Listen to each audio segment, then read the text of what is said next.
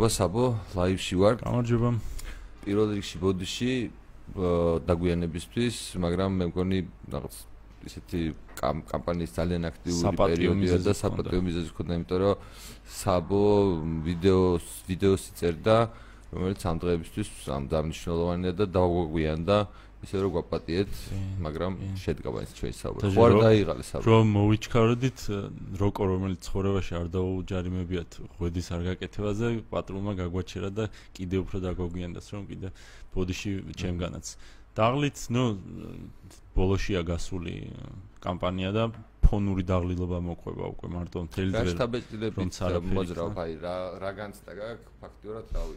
აა მართლა ძირითადი კი არა უდიდესი ნაწილი კამპანიის ფიზიკურად გაქვს ნამუშავები და უცბად რომ გვითხრა ამ კამპანიაზე შენი შტაბეშტილება რა ემოცია დაგჭა განცდა მაქვს იმის რომ მართლა რეალურია ჩვენი პარლამენტში მოხვედრა. ასე ყოველდღიური შეხვედრებითაც და ზოგადად პოლიტიკური სიტუაციითაც კანდიდატები ვინ არიან რა გადანაწილება ძალთ ამ ყველაფრით მართლა რეალური მგონია მეორე ტურში მოხვედრა. ოღონდ ამას რა თქმა უნდა დაჭirdება ბოლო ერთი ის რომ როგორც მინიმუმ იმ ხალხმა რომელთანაც შევხვდით დაველაპარაკეთ, დავარწმუნეთ, არ დაიზარონ და მისვლა, იმიტომ რომ ძალიან ისეთ ნიჰილისტური განწყობაა. თლიანად. თან, როდესაც ტემპერატურა დაბალია, განსაკუთრებული არაფერი არ წყდება არჩევნებზე, ეგეც ზევიდან ემატება ამ ნიჰილიზმს და დაბალი აქტივობა შეიძლება გახდეს ჩვენი მთავარი პრობლემა. ამიტომ ვინც ახლა გვიყურებს და ვისთანაც ვიყავით, იმათ მინდა ვთხოვო, რომ იქნებ არ დაგეზაროთ. მართლა მედით, მართლა ძალიან მნიშვნელოვანია.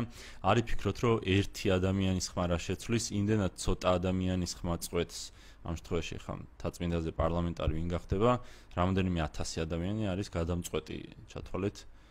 ოკეი, მოწოდება, მაგრამ აი ჩვენ ახლა მოდი გავარჩიოთ, ანუ ფაქტიურად შენ ხარ ფიზიკურად ბოლო სტუმარი ჩემი ამ ფორმატში, წინასაარჩევნო კამპანიის ფორმატში და ხო, ყველა ყავდა ფაქტიურად შენს გარდა და გარდა ერთი ადამიანისა, რომელზეც ფიქრობთ, რომ მაინც გავაკეთოთ გადაცემა მისი მონაწილეობის გარეშე, მაგრამ გონია, რომ მნიშვნელოვანია, რომ მაინც გავაცნოთ და ისე არ დავტოვოთ ერთ-ერთი კანდიდატი შალვა შავგულიძე. და შალვა შავგულიძე სავარაუდოდ ალბათ ბოლო იქნება შეიძლება ხვალან ზეკ დავდოთ მასზე. გადაცემა უკვე იყო თითქმის ყველა შენი როგორც ისეთი სერიოზული ანუ რეალური კანდიდატი ისე ისეთი კანდიდატები რომელსაც მე არ მაქვს დიდი იმედი რომ ნიშნ კარგ რაღაც ისეთი განსაკუთრებულ შედეგს დადებენ მაგრამ ჩემთვის თვითონ ეს პროცესი იყო ძალიან მნიშვნელოვანი რაც აქ მიდიოდა რომ პირველად მოხდა ჩემი აზრით ქვეყანაში ესეთი რაღაცა რომ მართლა პარტიის ოფისში მოდიოდნენ ადამიანები და გველაპარაკებოდნენ. ეს არის ჩემი წარმოდგენით ძალიან წინ გადადგმული ნაბიჯი. მათთვისაც მათთვისაც შეიძლება რაღაც განსხვავებული ფორმატი ყოფილიყო, იმიტომ რომ არ მგონია რომ არ ვიცი ბატონ იოსელიანს ან ბატონ კახაძეს ან არ ვიცი კიდე ვიღაცებს ესე საათ ნახევარი ვიღაცა დაждდომოდა და გამოწვლილით გამოეკითხა. შეიძლება ჩვენ ვეთანხმებოდეთ არ ვეთანხმებოდეთ ეგ მეორე საკითხია მაგრამ ამდენი რო ალაპარაკეს და მართლა რას ფიქრობენ და როგორ ფიქრობენ რაღაცები მათთვისაც გონი ძალიან მნიშვნელოვანი უნდა იყოს. ფაქტობრივად ჩვენ ჩვენი პლატფორმა ანუ რაც გონია რომ მნიშვნელოვანია დავუთმეთ სხვა ადამიანებს რომლებსაც მივეცით საშუალება რომ თუ მათ სურვილი ქონდათ აი ჩვენ ბაბლზე ჩვენს მაყურებელზე გასულიყვნენ და მათი საკუთარი აზრი ეთქვათ ამის საშუალება მივეცით. ეს ამბავი ეს ამბავი კარგად მოხდა იმ თვალსაზრისით რომ აქ არ ქონია არც ერთი რაღაცა სკანდალი ან რაღაც მშვიდად ჩავატარეთ მაგრამ მეორე ნაბიჯი რაც გონია რომ ამ პროცესს უნდა მოყვეს მომავალში ხარისხის გაუმჯობესების თვალსაზრისით არის ის რომ ამ საუბრებმა შეიძინოს სერიოზულობა, ანუ რეალობას დაუახლოვდეს და მე რაც შტაბეჭდილება დამრჩა საბო შენს კონკურენტებზე, ეს ადამიანები უფრო აი როგორ არიან, იცი? აი ეს ეთერებში რომ მიდიან ხოლმე საპრეზენტაციო, ანუ ჩემი აზრით რაღაც თვალსაზრისით აი ეს არის გამოსასწორებელი აი ამ დიალოგში ზოგადად რომ ამ საუბარმა ცოტა უფრო რეალობასთან დაგვაახლოს, იმიტომ რომ ხა როცა ვიღაც თქვა ჩვენი კონკურენტი მოდის და შეიძლება ძალიან გუწფევად, მაგრამ თავალ პრობლემათ ისე ჩვენება რომ რაღაც მეორეთ მოსვლას მოსვლისთვის სათადან ნადოთ არ ვემზადებით, ხო? რაც არ უნდა შენ მას კეთილგანწყობით შეხვდე საუბარი რთულია, ხო? ან ადამიანები, რომლებსაც მაგალითად ერთ რაღაცას ეკითხები, რომელიც თითქოს ძალიან ჩვენთვის ძალიან მარტივი ამბავია პასუხის გაცემა ასოც ეგეთ რაღაც კითხვებზე არ გვიჭირს და ამ დროს ადამიანებს ძალიან უჭირთ გზაოსთენებზე საუბარი. იმიტომ კი არა რომ დარწმუნებული რომ თავისი საკუთარი პოზიცია აქვს, იმიტომ რომ არ არიან დარწმუნებული რამდენად ამ პოზიციის თქმა საჯაროდ არის მათთვის მომგებიანი. მოკლედ, აი ესეთი თემებით ვიყავით დაკავებული შენს კონკურენტებთან შენ თუ გვიყურებდი არ ვიცი თუ ქონდა მაგის დრო მაგრამ რომ არ გეყურა არ მგონია რომ ამ ადამიანს ბევრი კონდეთ სათქმები ისეთი რაღაც აი მე ხო არა თუ ვაძლევ ძალიან ბევრი დრო გავატარეთ აქ მაგრამ გონია რომ გონია რომ აი შენ აი ბოდი შენ იქნები ჩემთვის იდეაში სტანდარტი იმის რაც მე მგონია რომ უნდა კითხო ადამიანს რომელიც პოლიტიკაში მოდის რომელსაც კონკრეტულად პარლამენტარობა უნდა და ჩვენ გავიაროთ ეს ამბავი რა. ბევრი პასუხით ალბათ ვერ გაგაკვირვებ ალბათ ოფში ესეთ თემებზე ვერჯერ გვილაპარაკია და ალბათ ზოგი ჩვენ შეიძლება ბანალურად მოგვეჩვენოს, ბანალურად რა, მარტივად, მაგრამ რომ მოგვისმენია უკვე არაერთხელ, მაგრამ იმედი მაქვს, რომ ვინც გვიყურებს იმათვის იმათვის ვიქნები საჩვენებელი იმასავით, რომ აი ეს ადამიანი ესე ფიქრობს და ყველა დანარჩენი საპირწონედ თქვათ ესე ფიქრობს. აი ამ კონტრასტს შეიძლება უფრო კონდეს მნიშვნელობა ვიდრე იმას მე შენ რაზე გიპასუხებ? ხა კონკრეტულად რაზე გიპასუხებ? არა მაგრამ მე მგონია რომ გუწფელობა მნიშვნელოვანია იმაში რომ აი ძალიან პირველი კითხვა რაც ნებისმიერ შემთხვევაში ესეთ დროს უნდა დაუსვა ადამიანს ნუ რატო ფიქრობ შენ რომ შენ უნდა აგირჩიონ? ანუ პირველ რიგში ხო შენ ელაპარაკები ამას შენ სამომრჩევლებს აი ყოველდღე რომ დადიხარ. მოდი ახლა აუხსენი საჯაროდაც. დაახლოებით გააქვს იმის საშუალება რომ თუ იქ ცოტა დრო გაქვს აქ ნებისმიერი რამე უთხრა, მაგრამ კითხო მდგომარეობს იმის იმაში, რომ ვინ ხარ, ანუ ვინ ხარ როგორც ადამიანი, რაღაცების რატო რისი გჯერა, რატო უნდა გენდო და მე რატო უნდა აგირჩიო პარლამენტად. შენ როგორ აფასებ ამას? მმ შეიძლება იყოს ყველაზე რთული კითხვა იყოს. მაქედან იწყება. ხო. აა ჰერმან საბოვარ 30 წლის აა უკვე 3 წელია გიჩს ვაკეთებ თქვენთან ერთად. და გონია რომ თაწმინდებმა ხმა უნდა მომცენ შეიძლება მარტივი მიზეს გამო. მათნაირი ადამიანი ვარ და არ ვცდილობ ვიყო არ ვცდილობ რაღაცების გამო სხვანაირი ვიყო. ან აი მაგალითად მ ბატონმა გეგელიამ ამას წინათ რომ ეთერში რო თქვა რა დროს LGBT ამბებია, ჯერ ეს არის პრობლემაო. სიამდვილეში ხო ვიცნობ მას უკვე დიდი ხანია და ვიცი რომ ამას გულწრფელად არ არ უყურებს ეს, არ ფიქრობს, მაგრამ სიტუაცია მოიტანა მას ეს ათქმევინა. აი მე მგონია რომ ასეთი ადამიანი არ ვარ. შეიძლება ცოტა აროგანტული ნათქვამია, მაგრამ თითოეული თაწმინდელის ნაირი ადამიანი ვარ. მათნაირად რაღაცები მაწუხებს და ამაზე ხმამაღლა ვლაპარაკობ ღიად და უპრობლემოდ და ადამიანური კომუნიკაცია შემიძლია სხვებისგან განსხვავებით. აი რაღაც მესიჯ ბოქსით არ მოძრაობდი ამ თაწმინდაზეც რა, რო დავდიოდით. ვინ მეატყობდა მაგას, ანუ ვინ ამბობდა რომ განსხვავებული ხარ თუ ანუ როგორ ამჩნევდი? განსხვავებულობას კარებს კარებს რო აღებდნენ კონდათ დამოკიდებულება რომ რაღაც პოლიტიკ არჩევნებზე მოვიდნენ და ნუ მალე უნდა გაგვისტუმრონ მაგრამ როგორც კი გულწრფელად გულთბილად რაღაც მართლა ვხსნიდი რომ რაღაც დაპირებებით და იმებით კი არ მოვედი რომ რაღაც აქ იმას გაგირემონტებ ვიღაცების ფულთან რაღაც დახმარების სათხოვნელად მოვედი. აი მართლა ესე გჭირდება ტრიბუნა ამიტოა ჩვენთვის მნიშვნელოვანი ხო ხვდებით თქვენც რომ სხვა დიდ პარტიებს არ ჭირდებათ ეს და აი მართლა ადამიანურად რო ელაპარაკებოდი და თვითონ რა ლოგიკაც შეიძლება განევითარებინათ ამ არჩევნებთან მიმართებაში შენც რომ მსგავს ეუბნებოდი მათნაირი რო იყავი თან გარეგნულათაც მოწონდით ძალიან ესეთი გოგოები ბიჭები მხიარულად დავდიოდით არ ვიბღვირებოდით და რაღაცა იმებს არ ვინიშნავდით რა ქვია რაღაცებს და ამას კი აფასებდნენ. ეს იყო მთავარი დამსახურება იმის რომ ბევრი ადამიანი რომელიც ამბობდა რომ ყველაფერზე გული აცრუებული მაქვს ერთი 10-15 წუთი რომ ველაპარაკებოდით ხოლმე აი მართლა გულწრფელ თხოვნით და რაღაცა ამბობდნენ რომ კი დამარწმუნეთ და აი всё მოვდივარ ჩემი სიტყვა სიტყვა ეგეთი რამე მე არ მსმენია რომ არ ვინმე სულ თქვავს რომ მე არ მსმენია რომ საერთოდ საქართველოს ჩატარებული ყო არჩევნები, როდესაც კანდიდატი არაფერს არ პირდება მატერიალურს. ანუ რაღაცას პირდებოდი, მაგრამ აი ესე რომ აი თქვენ მე თქვენ თუ ამირჩევთ მე თქვენ ამას გაგიკეთებთ. ესეთ რამეს არ ეუბნებოდი და როგორც მე მესმოდა ხოლმე შენგანაც და სხვა ადამიანებისგან, რომელიც ბრუნდებოდნენ ამ ქუჩიდან, მოკლედ, კარდაკარიდან. ისინი ამბობდნენ რომ ამას ძალიან აფასებენ ადამიანები. მაგრამ შენ ძალიან მნიშვნელოვანი რაღაც უცნაური რამე დაპირდი და მაგაზე მინდა კითხო ანუ რამდენად გაიგეს, საერთოდ რამდენად შეძელი ამ აზრის გადაცემა? თუ ანუ ეპატაჟად ხო არ ჩაგითვალეს ის როცა შენეუბნები რომ ისი რა გირჩი საერთოდ არ აპირებს რაღაცა საბიუჯეტო იმის ხელის მოკიდებას. ან საერთოდ ეს სერიოზულად აღიქვეს და იქნება ახსნა კიდე, ანუ ვიღაცებისთვის იქნება ახსნა რას გულისხმობ ამაში. აა ნაკლებად გვიწევდა კონკრეტულად საბიუჯეტო დაფინანსების ამბავზე საუბარი. უფრო მეტად იყო ხოლმე განსაკუთრებით ბირჟებზე, იყო ხოლმე რომ კაი, აბა ხომ მოხვედი, აბა რას გვპირდები? ხო იცი ეს გამომცდელად რომ გეკითხებიან. ხო, ну, იმიტომ რომ იციან რომ რამე ისეს თუ ეტყვი შენც შენც მიხვდები და ისიც მიხვდება რომ ტყუილია და ეტყს ხო კაი კაი და თავი დამანები რა. გავიგე გავიგე.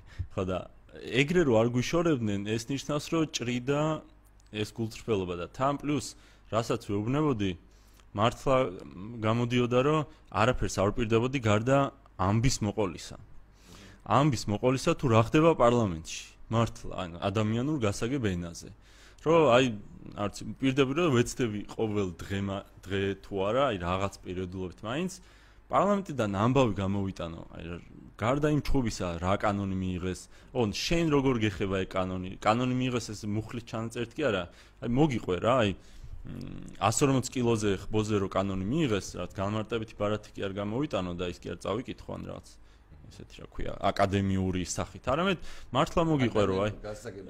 ხო სოფელში სოფელში კაცი რო ცხოვრობს და ხბოებს რო ყიდი და აქამდე იმიტომ რომ ეს ხბოები მიყავდათ და იქს დიდნენ ეხა უთხრეს რომ გარეთ ვერ გაიყვანო მარტო დიდი უნდა გახდესო მაგრამ იმაზე კი არ დაფიქრდნენ რომ საქართველოს ხორცის თავი იმპორტიორი არის დიდი გაზდილი ცხოველები სხვა ქვეყანაში უფრო იაფად იყიდება შეიძლება და იმის გამო რომ უნდათ დაეცვათ ვითომში და მეურნეობები შეიძლება ხბოების გაყიდვაც ჩავარდეს და დიდი ცხოველების გაყიდვაც ჩავარდეს.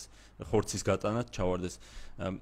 რაღაც რას გააკეთებ მაგასთან დაკავშირებით? მე გახანეკი ისტორია მოყვა. თქვათ ეხლა რომ ანუ მაგაზე ხო გახსოვთ მოგო თორს შენს გაახმოვანე თუ შეიძლება მეშლება მაგრამ ჩვენ ვცდილობდით რომ ეს უბრალოდ ამბად გვეთქვა მსგავსი რაღაც ანუ ის კი რომ რაღაც ცუდი რაღაცა მოხდა აგვეხსნა რომ რაშია საქმე და ნუ მგონი მაგას პირდები შენ ბევრი მიმართულებით რომ ხო და ხვდები ეს ეს ამბავი ჩვენამდე იმიტომ მოვიდა რომ რაღაცა მართლა აბსურდის ისეთ დონე იყო რომ მედიამ ჟურნალისტებმაც ყურადღება მიაქცეს რომლებიც უფრო რაღაცა პატაჟურ და ჩხუბებზე და რაღაცებზე არიან ხოლმე უმეტესად გადართული ყოველთვის არ არ ამბობ მაგრამ ამის პარალელურად მე მგონია რომ ესეთი პატარ-პატარა ამბები რომლითაც პატარ-პატარა თავისუფლებას გვართმევენ ხდება ყოველდღიურად ყოველკვირეულად რომელიც ბოჩოლა და 140 კილო არ არის, ამიტომ რჩება მედიის ყურადღების მიღმა.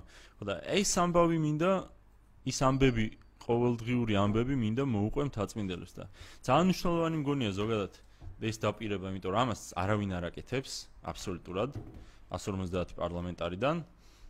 ვინმე თუ მედიაში ინტერვიუს იძლევა, კომენტარს ისე რაღაც, რა ქვია, იურიდიული ტერმინოლოგიით და რაღაცეებით ისეთ, რომელიც საშუალო ქართულს შეიძლება არც ესმოდეს და არც აინტერესებდეს რა. წესიერ გასაგებად უთხარი რომ რაღაც შენ ხბოს გარეთ ვეღარ გაყიდი, იმიტომ რომ ვიღაცება თქვეს რომ აქ უნდა გაიზარდოსო. და ბუნებრივად გაუჩნდება ალბათ ამაზე შეკითხვა რომ რატო გადამიწყვიტეს, ხო? აი ამიტომ მგონია ნიშნულოვანი იმ ამბის გამოტანა რომ ადამ მათთვის გასაგებიანაზე რომ ადამიანებმა საკვდარ თავთან დასვან კითხვები რომლებზე პასუხსაც მეરે გირჩი შეიძლება შესთავაზოს. ან რაღაც მინიმუმ დისკომფორტის რაღაცის წუხილის გზნობა გაუჩნდეს რომ რაღაცა ისე სწორად არ არის ამ ხბოს ამბავში ან მსგავს მასეთ რაღაცეებში რომ დაინტერესდეს მიმღებლობა გაუჩნდეს მეરે გირჩი რომ რამე solutions, რამე შინარს ეტყვის, რამე ამბავს ეტყვის, ის დააკავშიროს რაღაცნაირად. აი, ამიტომ გონი. ინფორმაციის გამოტანა და თქვათ კანონმდებლობის შექმნის სათავეებთან ახლო ყოფნა გაძლევს იმის საშუალებას, რომ ფაქტიურად რეპორტინგი გააკეთო შენი ამომრჩივის იმის შესახებ თუ რა პროცესები მიდის, როდის რა და ან მოკლედ აი ეს საინფორმაციო ჟურნალყოფა მოახდინო, მაგრამ აი რა მაინტერესებს იცი რომ ჩვენთვის ჩვენი ღირებულებების ადამიანებისთვის ხო? საბოლოო ჯამში რაღაცნაირად მარტივად შეიძლება ანუ მარტივად შეიძლება მივიღოთ გადაწყვეტილება რა არის სწორი და რა არის არასწორი, ხო? ანუ რაღაც მარტივი კრიტერიუმებიდან გამომდინარე რაღაც. სიცოცხლე როგორც ღირებულება, თავისუფლება როგორც ღირებულება, საკუთრება და ამ ღირებულებების სტანდარტით ჩვენ ვახერხებთ, რომ სწორიზე და არასწორზე გირჩის პოზიციები ჩამოვაყენოთ. ანუ საკუთარი პოზიციები, რომელიც საბოლოო ჯამში ფორმდება როგორც გირჩის პოზიცია. მე მაინტერესებს აი შენი დამოკიდებულება ჩვენთვის ყველაზე უფრო ტრულ ტრულ იდეასთან, ანუ სისტემის იდეასთან, რომელიც რომელსაც ადამიანზე აქვს განსხვავებული წარმოქმნა, ხო? აი როგორ ხედავ შენს როლს, შენს თავს ამ ყველაზე მნიშვნელოვან და ვაფშე რა არის შენთვის ეს პერი რაღაც ადამიანები არიან რომლებიც არ ვიცი დღეს ministrები არიან პარლამენტარები არიან ანუ შენ რანაირად უყურებ შენს მოწინააღმდეგეს ვინ არის ან რა არის შენი მოწინააღმდეგე და რასთან საბრძოლველად მიდიხარ მიდიხარ პარლამენტში? ადამიანები ალბათ ნაკლებად არიან მოწინააღმდეგეები. აა იმიტომ რომ მგონია ადამიანის ქცევის დიდი ნაწილი შეიძლება შეიცვალოს იმის დამხედვით რა გარემოში ჩააყენებ მას. აა თავი მტერი ალბათ არის რაღაცნაირი ადგილივით არის, იდეაც კი არ არის, აი განსაკუთრებული იდეაც კი არ აქვს სისტემას.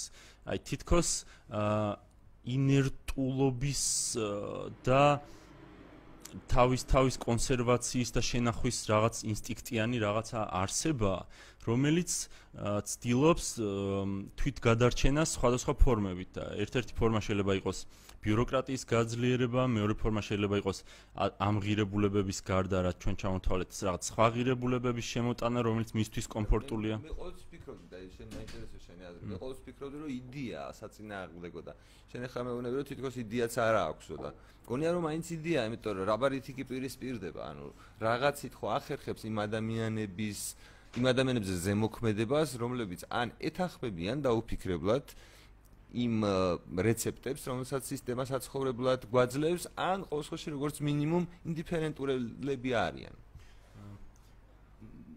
შეიძლება ტერმინებში ვერ ვსქენით, მე იდეის დარქმევა არ მომწონს, იმიტომ რომ იდეა ცოტა უფრო ამაღლებული რაღაც გონია, ვიდრე აა არ ვიცი, რაღაცა მერის რაღაც სამსახური, რომელშიც აი არაფერი იდეა არ აქვს გარდა ერთისა, რომ რაღაცა ინერტული აა გარემოა თუ სიტუაცია, რომელსაც აი ეზიზღება, როდესაც აწუხებენ და როდესაც კომფორტის ზონიდან გამოყავს ვინმეს და ცდილობს, რომ როგორც თვითონ, როგორც მისთვის კომფორტულია, რომ აი წადი ქაღალდი მომიტანე.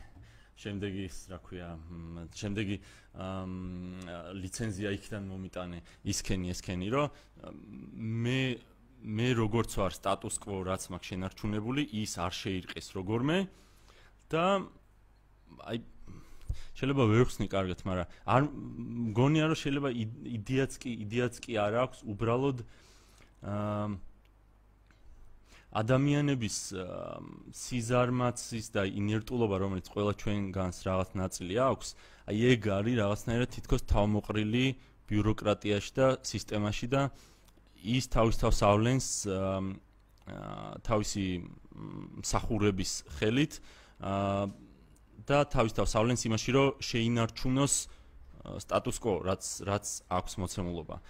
აა ხო არ არ ვიცი რამდენად გასაგებად ჩამოვაყალიბე თან პარალელურად ფიქრობ ესე ის არ მქონია. მე ზოგადად თან წარმოვიდგინე რა რომ ჩემთვისაც ძალიან მნიშვნელოვანი ამბავია რომ სისტემა რომელიც დღეს სხვადასხვა ფორმით რა ანუ ადამიანების მართლა ბიუროკრატია იქნება შედარებით სუბუქი ფორმით გვართმევს თავისუფლებებს ეს იქნება სასამართლო სისტემა მეორე შტო ხელისუფლების რომელიც ჩემი აზრით საერთოდ არ არის სასამართლო როგორც ამ გაგებით. არის ჩოლობრივი სისტემის ნაწილი და ასრულებს ჯალათის როლს. არ არ ამიტომ პირიქით არ მგონია რომ უარესი ანუ დამსჯელე სადამსჯელო ორგანიზაცია ხდები? ხო. და დარჩა პარლამენტი. პარლამენტში ჩემი აზრით პრობლემა ის არის, რომ უბრალოდ იქ სერიოზული საუბრის შესაძლებლობა არ არის. ანუ ადამიანები იმდენად არიან დაპირისპირებული ერთმანეთთან, იმდენად არენდობიან, იმდენად გონიათ, რომ მათი მიზნები და მისწრაფებები სრულიად ერთმანეთისგან რადიკალურად განსხვავებულია, რომ საქმეზე ვერ ლაპარაკობენ. ანუ ამას ხედავ მე სისტემის პრობლემად თითოეული რგოლი, როდესაც ასეთი არასწორი სტიმულებით ფაქტურად ფუნქციონირებს. პარლამენტის პრობლემა ეს ხო შეიძლება იყოს, ანუ თან თან ფიქრობ. იმის გამო რომ განსაკუთრებული არაფერი განსაკუთრებული იდეით იქ არ არის ხალხი მოხვედრილი, საკუთარ თავთან იმისთვის რომ არ შეექმნათ კოგნიტური დისონანსი, უწევთ გაправება მტრის ხატით, რომ ისინი აქ იმიტომ არიან მნიშვნელოვნები, რომ ვიღაც მტერი როა ის დააბალანსოს და არა ის რომ შესაძლებელია, მე არ ვიცი, ახლა მე არ ვიცი ამ კონკრეტული ადამიანის, მაგიტომ გეკითხებოდი რომ გონია მეთქი რომ სისტემა თავისი мотиваციები და სტიმულები ისეთ ისეთ პირობებს უქმნის მათ იქ დასაქმებულ ადამიანებს. რომ ეს დასაქმებული ადამიანები აი რადგან ფიქრობდი რა ჩვენ შეიძლება ვფიქრობდეთ რომ მთელი სისტემა გვიპირისპირდება იმიტომ რომ იქ მუშაობენ ადამიანები რომლებიც აკეთებენ იმას რაც ჩვენ არ მოგწონს მაგრამ მეორე ეს ხრივ ეს ადამიანები იქ რომ მოხვდნენ, მათი მთლიანად სამოტივაციური სისტემა არის შეცვლის, სულ სხვა წარმოადგენებით მოძრაობენ. აქედან გამომდინარე როდესაც ჩვენ არ მოგწონს სისტემა ეს იმას არნიშნავს რომ არ მოგწონს ის ადამიანები და აუცილებლად მათი მტრები ვარ. ჩვენ მტრები ვარ იდეის იდეა მგონია იდეა მე რასაც გულისხმობდი მგონია ის რომ რაც ჩვენ გვიპირისპირდება გვიპირისპირდება იდეა თანაბრობის. ანუ ადამიანებს შორის ადამიანების გათანაბრების სურვილის. და მგონია რომ აი ამისთვის ძალიან მნიშვნელოვანია შენაირი ადამიანები, რომლებიც ამ იდეით მოწამლულები ფაქტიურად არასოდეს არ იყვნენ. სიმართლე რომ გითხრა, მგონია რომ აკეთილშობილებ ამ სისტემას იმით, რომ ამბობ, რომ შიგნით თუნდაც თანაბრობის იდეა არის აი ესეთი სისტემური არის სისტემური არ არის. ეს არის სალაპარაკო იდეა. ის იდეა რომლითაც პოლიტიკოსები ელაპარაკებიან ელაპარაკებიან ადამიანებს. მასე ფუთავენ. კი კი მასე ფუთავენ. ანუ იდეა რომელიც ატყუებს ადამიანს. ანუ ბოროტი იდეა ის იდეა რომელიც ატყუებს ადამიანებს ხო? რომელიც რატომღაც ჟღერადობის დონეზე კაცთ მოყურეთ კაცთ მოყარეთ გამოიყურება მაგრამ თავისი შედეგი შენ თუ ამ იდეას დაიჯერებ და მის მის აღსასრულებლად რეალურ ცხოვრებაში ნაბიჯებს გადადგავ, ანუ მოქმედებებს ჩაიდენ, აუცილებლად მიხვალ უსამართლობამდე. ოღონდ ეს სამართლიანობა უსამართლობის განცდა ამ ორი შეხედულებით, სისტემის შეხედულებებით და ჩვეულებრივი რიგითი ადამიანის შეხედულებებით ორი სხვადასხვა რამეა. ანუ ადამიანი, რომელიც შრომობს ბევრს და თავის წარმატებას თვითონ გამოიმუშავებს, ეს ჩვეულებრივ საზოგადოებაში აქტოვანებას იმსახურებს. და სისტემისთვის ეს პირდაპირ დავალება რო ეს ასე არ იყოს. ანუ ადამიანებმა წარმატებას ვერ მიაღწიონ განსხვავებულად, ანუ ადამიანები თავისი წარმატებით თუ ნუ საცხოვრებისეული შედეგებით გაათანაბროს. მე ამ იდეას ვეძახი, იმიტომ რომ ყველაფერი დანარჩენი, რადგან მე შენ შეიძლება შეგეკითხო, როგორ ფიქრობ, არ ვიცი, რასაც შენს ოპონენტებს ვცდილობდი რომ მეკითხა ყოველ შემთხვევაში, რას ფიქრობდნენ ისინი, როცა მე მათ ვეკითხებოდი ჯარზე, მე ვეკითხებოდი მათ ადამიანზე. ანუ ადამიან როგორ უყურებდნენ ის ადამიანს რომელიც ამ კონკრეტული ძალადობის წინაშე დადგა. ხდები? ანუ ყველა ცდილობდა აქედან გაქცევას მაგრამ რეალურად მე რასაც ფიქრობ ფიქრობ იმას რომ შენ ღირებულებად რას უყურებ? ანუ ღირებულებად უყურებ იმას რომ შენი აზრით ყველანი ჩვენ დაცულები ვიყოთ იმიტომ რომ ჩვენ შვილებს გავრეკავთ ავტომატით ხელში სადღაც რომც ისინი მართლა გვიცავდნენ. ყველაფერს თავი დავანებოთ. თუ აა შენ იმას ფიქრობ რომ ეს ადამიანია ღირებული და მის ცხოვრებაში ხელის ფათურის არანაირი უფლება არ გაქვს. უბრალოდ ეს აზრი მე ვერ გავაგებინე შენს ანუ შეიძლება ჩემი პრობლემაა. მე არ გამოვრიცხავ რომ ჩემი პრობლემაა და ვერ მოვახერხე საკმარისად ხარისხიანი კომუნიკაციის დამყარება ადამიანებთან.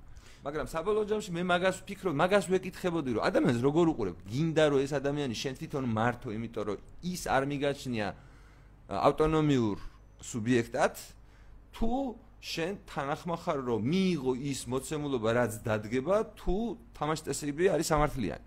და შენ თვითონ არ განსაზღვრო როგორი შედეგი გინდა დადგეს. ეხლა მაგალითად ჩვენ ხო არ გვინდა რომ ჩვენ ხო არ ვიცით ზუსტად რა შედეგი დადგება. ჩვენ მგონია რომ თუ სწორად ვიცხოვრებთ ამით უკეთესი შედეგი დადგება ვიდრე არასწორად რომ ვიცხოვრობთ ეს არის. სიანდრეში მგონია რომ ჩემ კონკურენტებს და სისტემასაც უნდა აუხსნათ კერძო ველაპარაკოთ მორალზე და რა რა მხრივ ამბობ. ორ მე რამდენადაც ვიცი, რამდენადაც მინახია წამიკითხია. ორი ორი მიმართულება არსებობს მორალის. ერთი არის უტილიტარისტული, რომელიც ნიშნავს, რომ მათემატიკურად დათვლადი აქმედებას თუ რაღაც შედეგი მოაქვს, ამან შეიძლება გადაწონოს ბექმედებს ზიანი და აა უნდა გავაკეთოთ, იმიტომ რომ უმრავლესობისთვის ეს უფრო მეტ კარგს მოიტანს თუ რაღაცა. და მეორე არის კანტის არის თუ არ ვწდები, როდესაც რაღაცა ბარიერებს იყენებ და ამ როდესაც აი მაგალითად შეიძლება მაგალითზე უკეთა ახსნა ის ცნობილი ის როა თქვა ესეთი რკინიგზა მოდის და გზაურად იყოფა აქეთ რკინიგზა აპირებს კონსეკვენციალისტური ქვია ქართულად არ ვიცი შედეგიდან გამომდინარე. შედეგიდან ხო ანუ შედეგი როგორ დგება ანუ შედეგს უყურებ და ნუ შედეგის მიხედვით არ ყვევ რომ კარგია თუ ცუდი შედეგი დადგა რა? ხო რკინიგზის იმაზე რომ თქვა ხუთი ადამიანი წერს და იცი რომ ატარებელი გადავლის და აქეთ შეგიძლია გადაწიო და მოკლა ერთი ადამიანი რომ გადაარჩინო ხუთი. და უტილიტარისტული ამბობს რომ რა თქმა უნდა ხუთის სიცოცხლე უფრო მეტია და ამიტომ ესე უნდა ვქნათ. ამიტომ შეიძლება რომ ერთი ადამიანი წაიყვანო ჯარში ერთ ადამიანზე იძალადო იმიტომ რომ ხუთს ხუთი კარგად იქნება მერე. და არის მეორე რომელიც ამბობს რომ არ შეიძლება დათვალო, ანუ ერთი ადამიანი არ არის ხუთ ადამიანზე ნაკლები. ერთი ადამიანის სიცოცხლე. ხო, არა, მასე რო იყოს, მაშინ რო ცოცხალი ჯანმრთელი ადამიანი დავიჭიროთ, ამოვაჭროთ ორგანოები, ანუ ეგ ეგ ხო ამის გაგრძელება, ამ შენ მოყოლილი ისტორიის გაგრძელება თუ მაგას და ეთანხმები შეგნებულად, მაშინ შეგნებულად იმას ნიშნავს, რომ ცოცხალი ერთი ადამიანი შეგვიძლია რა ვიცი დაუჭრათ ორგანოები და 10 ადამიანი გადავარჩინოთ და მაშინ ცოცხლები დავხოცოთ თუ ეგ მორალი მისაღებია და მეორე მორალი არის რომ ერთი ადამიანისთვისაც არაფერი ცუდის გაკეთება არ შეიძლება და რა შედეგების დადგება დადგა. მაგის პრობლემა რა არის საბო მაგის პრობლემა ის არის რომ ადამიანებს არასოდეს არ გვექნება საკმარისი ინფორმაცია რომ გინდა ერთი გინდა მეორე რაღაცა დათვლით რამე განსაზღვროთ ხდები ანუ დათვლაში თან მით უმეტეს თუ დათლა იქნება ერთი ადამიანი ყველა ადამიანი ვთვლით იმიტომ რომ საკუთარ ცხოვრებას გეგმავთ ყველანი აბსოლუტურად. მაგრამ როდესაც ჩვენ შეცდომას უშვებთ ჩვენ უშვებთ ერთი ინდივიდი მილიარდებში ხო და შესაბამისად ეს დაშვებული შეცდომა მთელ საზოგადოებაზე დამანგრევლად არ მოქმედებს მაგრამ როდესაც შენ ამბობ რომ მოდი მე ვიცი ყველაზე სწორად ამ ინდივიდებთან შედარებით, ამიტომ მე გამივიღებ გადაწყვეტილებას მათ მაგივრად და ამ შემთხვევაში შენს თუ შეცდომას დაუშვებ, მაშინ შენი შეცდომა ავტომატურად ვრცელდება ყველა ინდივიდზე და ფაქტიურად კატასტროფულ შედეგს უშვებ. ხო, ანუ რაც ხო ყველგან ერთი და იგივე მნიშვნელობა არ აქვს, ხო მაგალითად ჯარზე რასაც გეკითხებოდი, ახაც ხო ჯარის თემაც ხო ეგ არის, არა? რა მნიშვნელობა ვიღაცამ რაღაცა ჩათვალო რომ ის როდისღაც ასე ანუ ამ წესით რა სწორი სწორი იყო უტილიტარისტურად თუ რაც გიან დავარქვათ და დღემდე ამ პარადიგმაში ვრჩებით, იმიტომ რომ არავინ არ არის თანახმარო ამაზე იმსჯელოს და მსჯელობის შედეგად რაღაცა დასაღ აზრზე თუ მივა, შემდგომში ეს აღიაზრი გაითვალისწინოს. ანუ ესეთი სისტემა გვაქვს, მოწყობილ სადაც აზრს ამ მნიშვნელობა არ აქვს, პრობლემა ესაა. იმის ბრალი ხო არ არის? კოუზირასთან იყავი ადრე და საუბრობდით 90-იანებში ყოველას შავები რო ეცვა რა. და მაშინ ჩემთვის ძალიან ახალი აზრი თქვი რომ ეგო სიგარების ბრალიაო და ძალიან გამიკვირდა მეთქი რა შუაშია სიგარები და ხალხს რო შავები აცვია შეიძლება დააკავშირო იმით რომ თქვა რომ შავი ჭუჭრი არ ჩანს და მაგიტო მაგრამ მეორენაირად ახსენი რომ იმის გამო რომ ადამიანებს არაფერი მატერიალური არ გააჩნიათ ცდილობენ რომ თვითრეალიზაციის თვითრეალიზაცია იპოვნონ სოციალურ კაპიტალში ასე თქვა და ადამიანები მასე რას ამბობენ მისთვის ძალიან მნიშვნელოვანი ხდება. ეს ქალებზე მოყვება მგონი. ეგ ქალებზე მოყვა ეგ იდეა მქონდა ქალებზე. ანუ ქალებზე მკითხა კოვზი რა მეგეთი რაღაცა რომ ქალები ჩვენთან დაჩაგრულები თუ რაღაც რაღაც კაროჩე რატო აქცევენ რომ ხალხის ასო ყურადღებასო რა? მაგაზე მოუყევი რომ როცა ღარიბი ხარ საზოგადოება კი. ცელდება კი. კი ცელდება. მე მახსოვს რომ შავზე მაგრამ ქალებზე განსაკუთრებით იმიტომ რომ გასაგებია რომ ამ ადამიანებს რომელიც საკუთრება არ ქონდათ ისინი უფრო დამოკიდებულები არიან საზოგადოებაზე. შესაძლოა ხალხი რა სიტყვის აი ეს წყალებში რო ჩავსვათ ეს გამოთქმა მათთვის უფრო მნიშვნელოვანია ვიდრე ეკონომიკურად დამოუკიდებელი ადამიანები. ხო და ხო შეიძლება რომ ის რომ თითქმის არავის ესე ღიათ არ ულაპარაკე იმაზე რომ ხალხო ახალგაზრდების ჯარში ესე წაყრა პატრიოტიზმი არ არის. ხო არ არის ეს შავი ერთგვარი შავი ტანსაცმელი რა რომ რო გამოხვიდე და თქვა რომ რაღაც არ ვიცი ჯარში არ უნდა წავიყვანთ არავინ შენ გარშემო რა სიტყვიან შენზე? ანუ ეგრევე იციან რომ შენ ფეხებზე კიდე, ანუ იცი რა, იმათ პირიქით მე მან მგონია რომ კონკრეტულ საკითხებზე ისინი შემდეგ ნაბიჯებს, აი როგორც ჭადრაკში არის რომ სლები უნდა გათვალო, ხო? ანუ სანამ რაღაცა ბოლოს ვერ დაინახავ ნათელ პოზიციაზე ის გაწყობს თუ არ გაწყობს. ანუ თლაში არ მოყვებიან საბ ჩვეულებრივად აი ანუ თლაში მსჯელობაში არ მოყვებიან. აი მაგალითად ჩვენ რო ჯარში იყავი, რამდენჯერ მყავხარ ნანახი, როდესაც დებატობ. ხო და საკუთარ პერსონალურ მაგალითს ეუბნები ადამიანებს. მე ვიყავი ჯარში. მე ერთ წლის განმავლობაში გავისროლე 9 წელი ტყვია. რავი, ზეპირად ვიცი შენი ისტორია ჯარის, ხო? და ეს ადამიანები არ მოყვებიან, ანუ შენ არ გელაპარაკებიან. ანუ ისინი იმათ აქვს თავისი აზრი, მათ აქვს შენ აზრზე საკუთარი წარმოდგენა და ეკამათებიან შენს ანუ შენს აზრზე საკუთარ წარმოდგენას. ანუ შენ კი არ გეკამათებიან. მათ წარმოდგენას ეკამათებიან, იმიტომ რომ ისინი ფიქრობენ, რომ როგორც კი შენ არ გინდა სიტყვაზე ძალადობა ადამიანზე და მისი ძულება ჯარში დაყვანისთვასაც ისე კი შენ არ გინდა რომ თავ თავ დავიცვათ შენ არ გინდა შენ გინდა რომ ვიღაცა მოგკლას ანუ ხდება აი პრიმიტიული ალოგიკურობა ხდება პრობლემა მათ შორის მსჯელობაში და მე ძალიან ძალიან მიკვირს რა რომ უბრალოდ მიკვირს კი არა მოლოდინითაც ველოდები შენ როცა პარლამენტში მოხვდები იქ ანუ რანაირად მოახერხებ ურთიერთობას ასე განსხვავებულ ადამიანებთან. თუმცა მგონია რომ ძალიან მაგარი საცდელია რომ მათთან დავამყაროთ ურთიერთობა. კაი, რა მაინტერესებს ცი? აი შენ ანუ ვიცი რომ ეკონომიკის აი ყველას ვეკითხებოდი და ბევრი მეუბნებოდა რომ ეკონომიკა ვაზე არა ვარ რა. და მე ვიცი რომ ხა დღეს სადაც ჩაწერაზე იყავი ეროვნულ ბანკთანაც იყავი და ზოგადად აი საკუთრებასთანაც ანუ ეკონომიკურ საკითხებზე ჩემთვის მნიშვნელოვანია. მას მე განსაკუთრებით რაც ამდენი საგანმანათლებლო ვიდეო გაქვს ჩაწერილი. აა მაინტერესებს რა. PhD არ მაქვს მაგაში, მაგრამ რაღაცები. ნუ აი ხა თუ ჩავთვლით იმას რომ ადამიანმა 10000 საათი რაღაცას უნდა დაუთოს იმისთვის რომ რაღაცაში გახდეს პროფესიონალი, კონა რომ რა საკმაოდ ბევრი საათები უკვე ექნება დათმობილი და ნუ რო გააგრძელებ კიდე შესაბამისად ერთი ნორმალური ეკონომისტი საქართველოს პარლამენტში შეიძლება გაიჩიტოს. რომელიც რომელიც შეიძლება გრაფიკებით და ხო ხო რა თქმა უნდა, ჩაუფერის მრუდი არ იცოდეს რა არის, მაგრამ ლაფერის მე ზუსტად აგიხსნი რა პრობლემა. ვიცი, ვიცი. პროცესი გამახსენდა უცებ მაგრამ მაგრამ რაღაცა basic საფუძველი რაც არის ეკონომიკის რომლიდანაც მე ყველაფერი ამოდის, იქიდან შემიძლია ლოგიკური დასკვნები. აი, შენი აზრით როგორც აი ახალი ახალი დეპუტატის სახე ხარ, ხო? შენთვის ეკონომიკაში ყველაზე მნიშვნელოვანი რა ჯანდაბაა? მმ მოთხოვნა მიწოდება. და რას ნიშნავს? ანუ რატო არის ანუ აღმზნები მოთხოვნა მიწოდება დღევანდელი სამყარო არის მოთხოვნა მიწოდების ეკვილიბრიუმ ეკვილიბრიუმი. ანუ ყველა პროდუქტი რაც კი გვაქვს არსებობს, იმიტომ რომ მოთხოვნა მიწოდებამ ხო, მანდ მოიყვან მოიტანა ჩვენამდე. აა და ანუ აი როგორც ნაწილაკები ელემენტარული ნაწილაკების ურთიერთქმედების რაღაც ძალები არსებობს ეგეთი ურთიერთქმედება ეკონომიკაში ადამიანებს შორის მე რაღაც მინდა და შენ რაღაც შეგიძლია მომწოდა ანუ ეს არის ამ ეს არის საფუძველი რომელზეც მე შენდება მაკროეკონომიკა და რაღაც წინ რო რაღაც სახელებს დაარქმენ ხოლმე და ვითომ სხვა ეკონომიკა როა ვიცი მაგალითად შენი ანუ შენი კონკურენტები რომლებიც აქ იყვნენ ანუ ბაჩურის ეკონომიკაზე ეკონომიკურ თემებს ეხებოდნენ ანუ იგივე თაწმინდაზე არსებული პრობლემატიკა ეკონომიკური პრობლემატიკაა რა.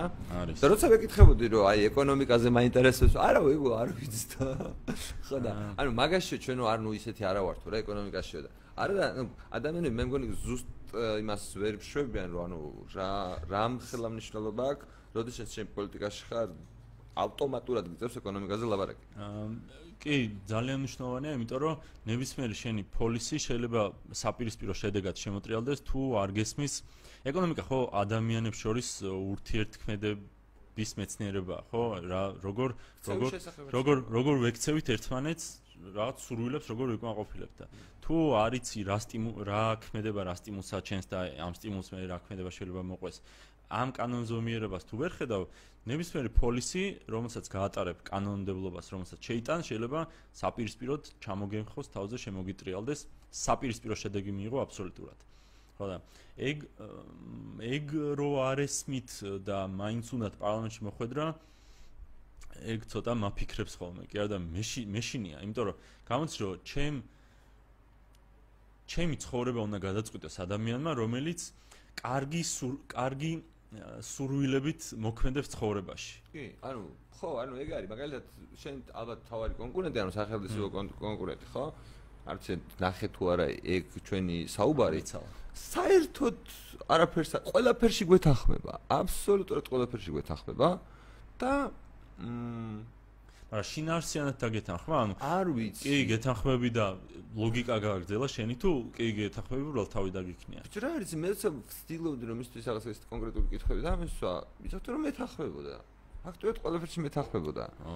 ხო, მაგრამ ზუსტად მაგაში მაგაში არის საქმე, რომ აი დღესაც კი, როდესაც თქვა მისი ნიუსებში ნახულობდი, ჩვეულებრივად ყველაფერი სადღიგრძელო, ანუ აზრი არა აქვს, ანუ მნიშვნელობა არა აქვს, დაგეთახმება, არ დაგეთახმება, რაზე დაგეთახმება, შეიძლება საკუთი თვითონ ვერ მიხვდე, ან რაზე არ დაგეთახმება, ანუ რთული მდგომარეობა მაგ თვალსაზრისით. აა, რა მაინტერესებს ძიმ? აი მაგალითად ჩენო წერილი დაწერე. აი იმ წერილზე გამოხმაურების ამბავი მაინტერესებს, იმიტომ რომ იქ შენ ბევრი რაღაცა ქონდა ისეთი რომელზეც ჩემი აზრით კითხვები უნდა გაჩენოდა. განსაკუთრებით ეს ეკონომიკასაც ეხებოდა, მათ ცხოვრებასაც, მათ წარს ყველაფერს ეხებოდა და რა ანუ თვითონ მოსახლეობაში როგორ არის ამის აღქმა? ანუ ეს მით მნიშვნელობა იმის რაც შენ ახლა თქვი?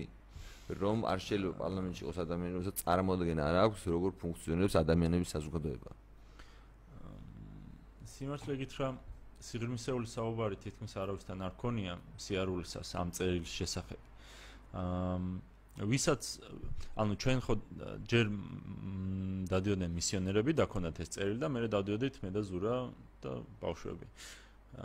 რამოდენიმე ადგილას მოგვიწია მარტო, რამოდენიმე უბანი მოგვიწია მარტო იქ სადაც ჩვენ წერილით უკვე იყო ხალხი. აა და რომ მივიდოდეთ გვეუბნებოდნენ რომ კი კი ეგ მოიტანეს, მივიღეთ.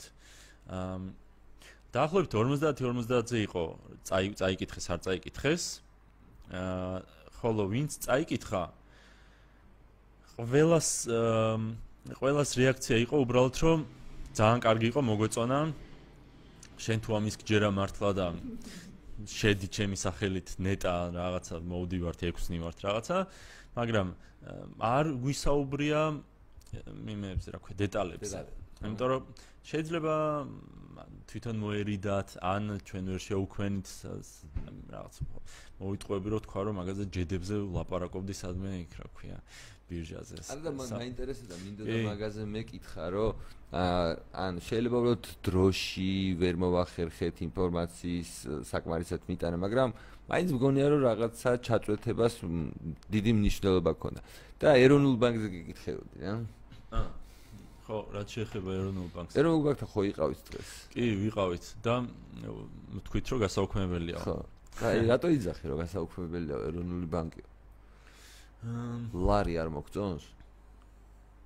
აი, ჟურნალისტი დაგისვა ხეთ, შენ ლარი არ მოგწონს? არა, არ მოგწონს ლარი. ლარი არ მოგწონს, იმიტომ რომ რაღაც პატარა დანაზოგი მაქვს და ხვდები რომ ის დანაზოგი ნელ-ნელა უფრო და უფრო ცოტა მიუხედავად იმისა რომ რიცხვი იგივეა. და ხვდები რომ ანუ სერიოზულად ფიქრობ, ხო არ გადავახურდა რომ ამაში სულ მეზარება ხოლმე, ხო არ გადავახურდა მეზარება. მაგრამ ეს განცდა მაქვს სულ ნებისმიერ სავალუტო ჯუქურთან რომ გავილი, სულ მაქვს ის განცდა რომ აუ, კიდე უფრო ცოტა ფული მაქვს.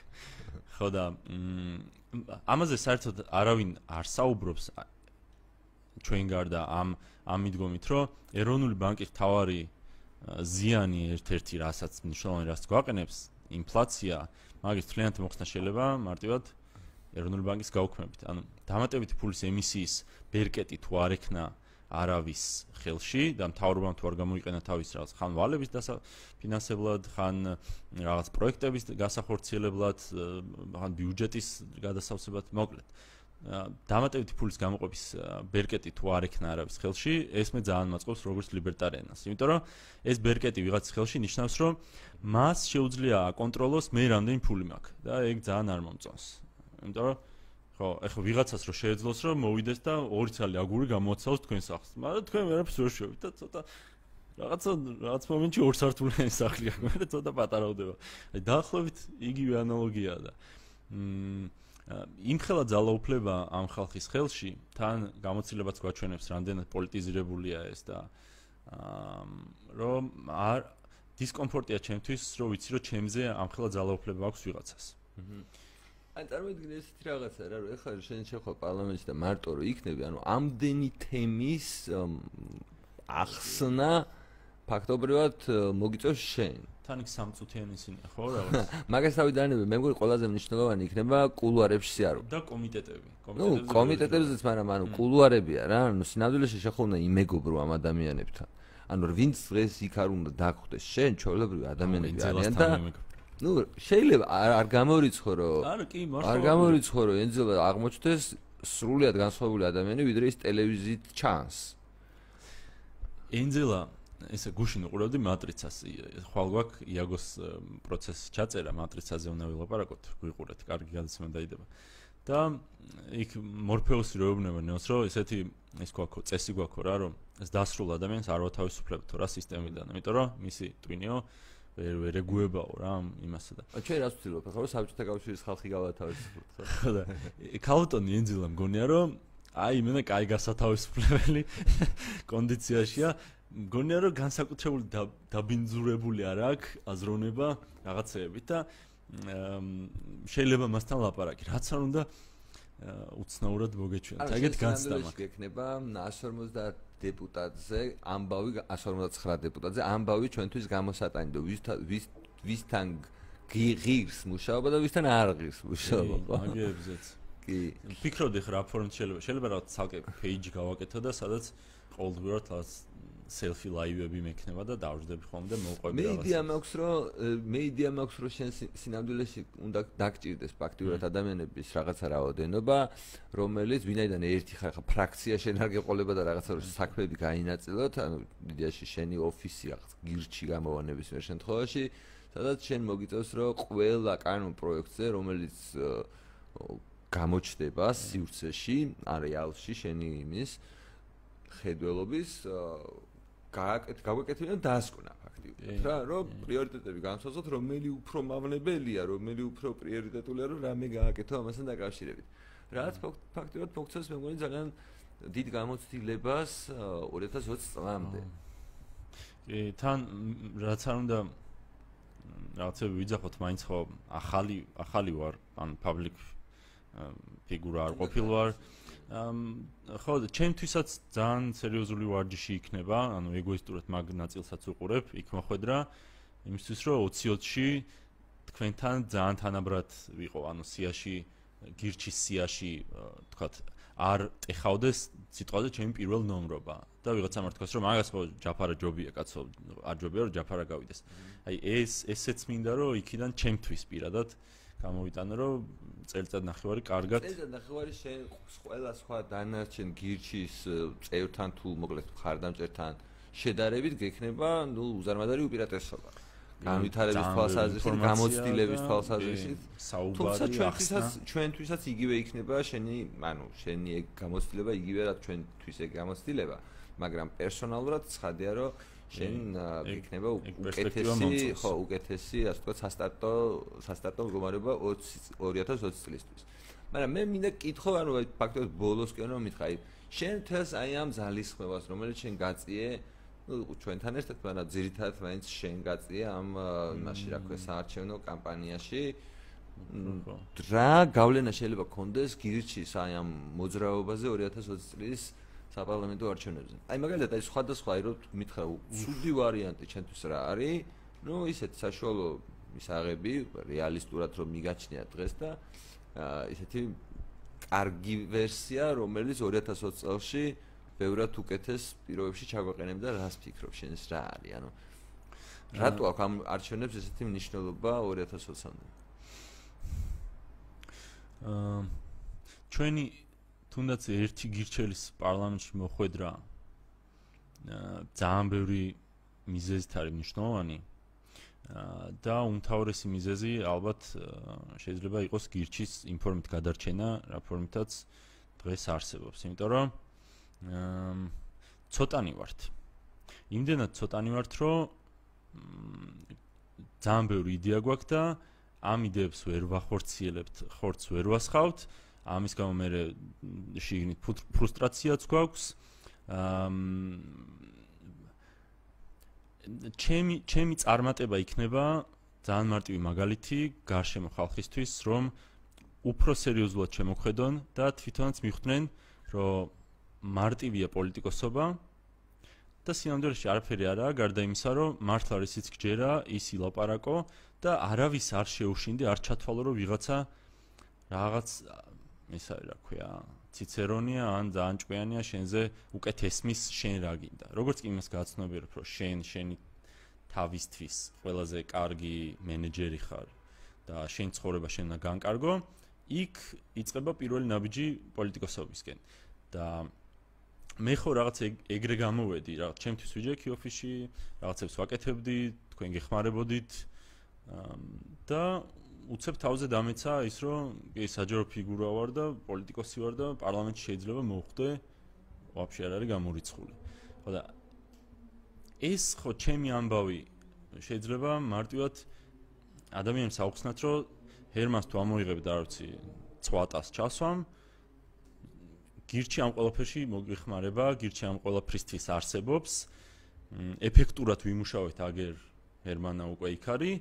მოდი დაგვეხმარე, იმიტომ რომ მართლა ცოტანი ვართ. მე მგონია რომ ამ რაოდენობის ხალხი თუ გავაგრძელებთ, მართლა დავრჩებით იმად, რასაც აა გვეუბნებიან ხოლმე, აი მოძრაობად დავრჩებით ხალხი, რომელიც რაღაც თემებზე ატრაკებს, ხან და გამოსდის, ხან არ გამოსდის, ხან წულკენ რამეს მოუფიქრებს, ხან ვერ მოუფიქრებს.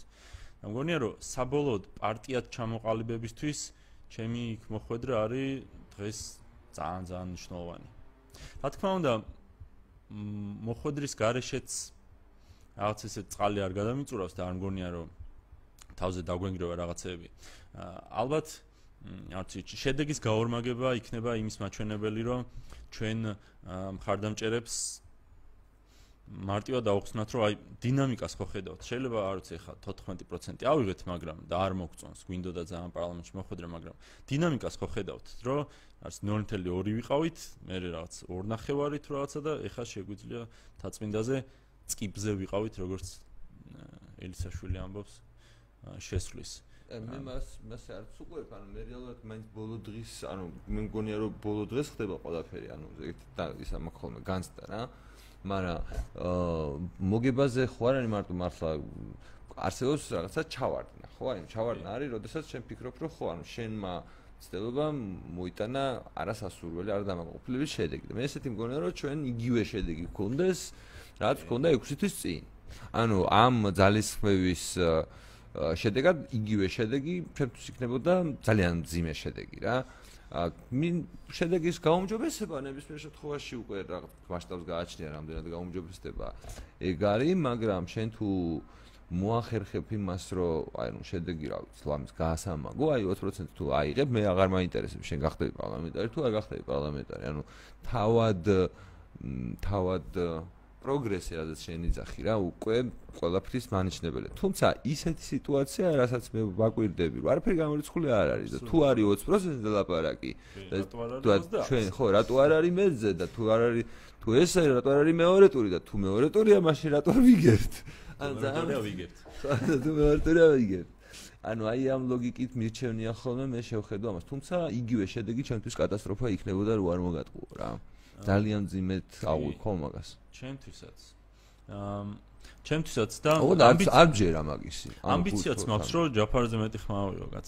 ანუ აქ ხომ აკო ჯაფარა იგივე ჯაფარა და ის ახლა ანუ მაგას კი არა მაგას ნამდვილში გირჩი შეუძლებელია რომ ერთ ადგილზე თუ გირჩი ერთ ადგილზე გაჩერდა ესე იგი ჩვენ დაგვერხა.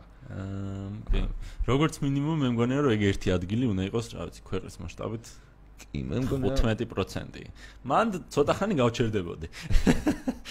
მე რე კიდევ ნახოთ. ნახოთ, ხო. კარგი, ესე იგი შენ გაქვს ესეთი გეგმები, ანუ მოდი აი ბოლო დღეებია და ბოლო დღეებისთვის რომ ინსტრუქციას ავითაც რომ მივცეთ ჩვენს მეგობრებს, პარტნიორებს, ხარდამჭერებს ყველას. რას ვაკეთებთ? ანუ ყოველდღიურად მოდი ახლა გაიხსენე და ხვალ შეიძლება რაღაცები ამერიოს თუ რამე შემახსენე. აა ვეცადეთ რომ ბოლო პერიოდში აქტიურად გამოჩენილიყავი, მაგალითად ეხა რო აქვარ და იაგოსთან გადაცემაშიც ჩვენში და მედიაში აქტიურად გამოჩნდები, ვეცდები რამოდენიმე თორსები ერთიან ნახოთ თუ ორი კლიპი დაიდო ჩემი მეორეს ფიქრობ თუ მოვასწარეთ ხვალე და აქტივობას რაც შეეხება ხვალ რას ხვალ მსვლელობას ვაკეთებთ? ახალ პარასკევია. ხვალ პარასკევია. ანუ ჩვენ დაგვცა ერთი დღე. მაშინ ხვალ დავდივართ. ხვალ დავდივართ. ხვალ მთლიანად ვერა ვერაზე არ ყოფილვართ, ხვალ ვერაზე უნდა კი გამოვჩნდე. ბატონო, ხვალ ესე იგი შენ დადიხარ კი, და მთლიანად. გუნდის და რაღაც მთელი ამბავი, ანუ ალბათ ეს ბოლო დღეა ესეც სოციალო. შაბათს შაბათს რა ხდება? შა- შაბათს საღამოს ივენთიც დაიდო 6 საათზე თუ სწორად მახსოვს. იქ საათ, აა გვაქვს გვინდა რომ კიდე ერთხელ გავიაროთ თაწმინდაზე. აა ცენტრალურ ქუჩებზე მეტნაკლებად და ხალხს თავი შევახსენოთ და კიდე ერთხელ ვთხოვოთ რომ არ დაეზაროთ მოსვლა.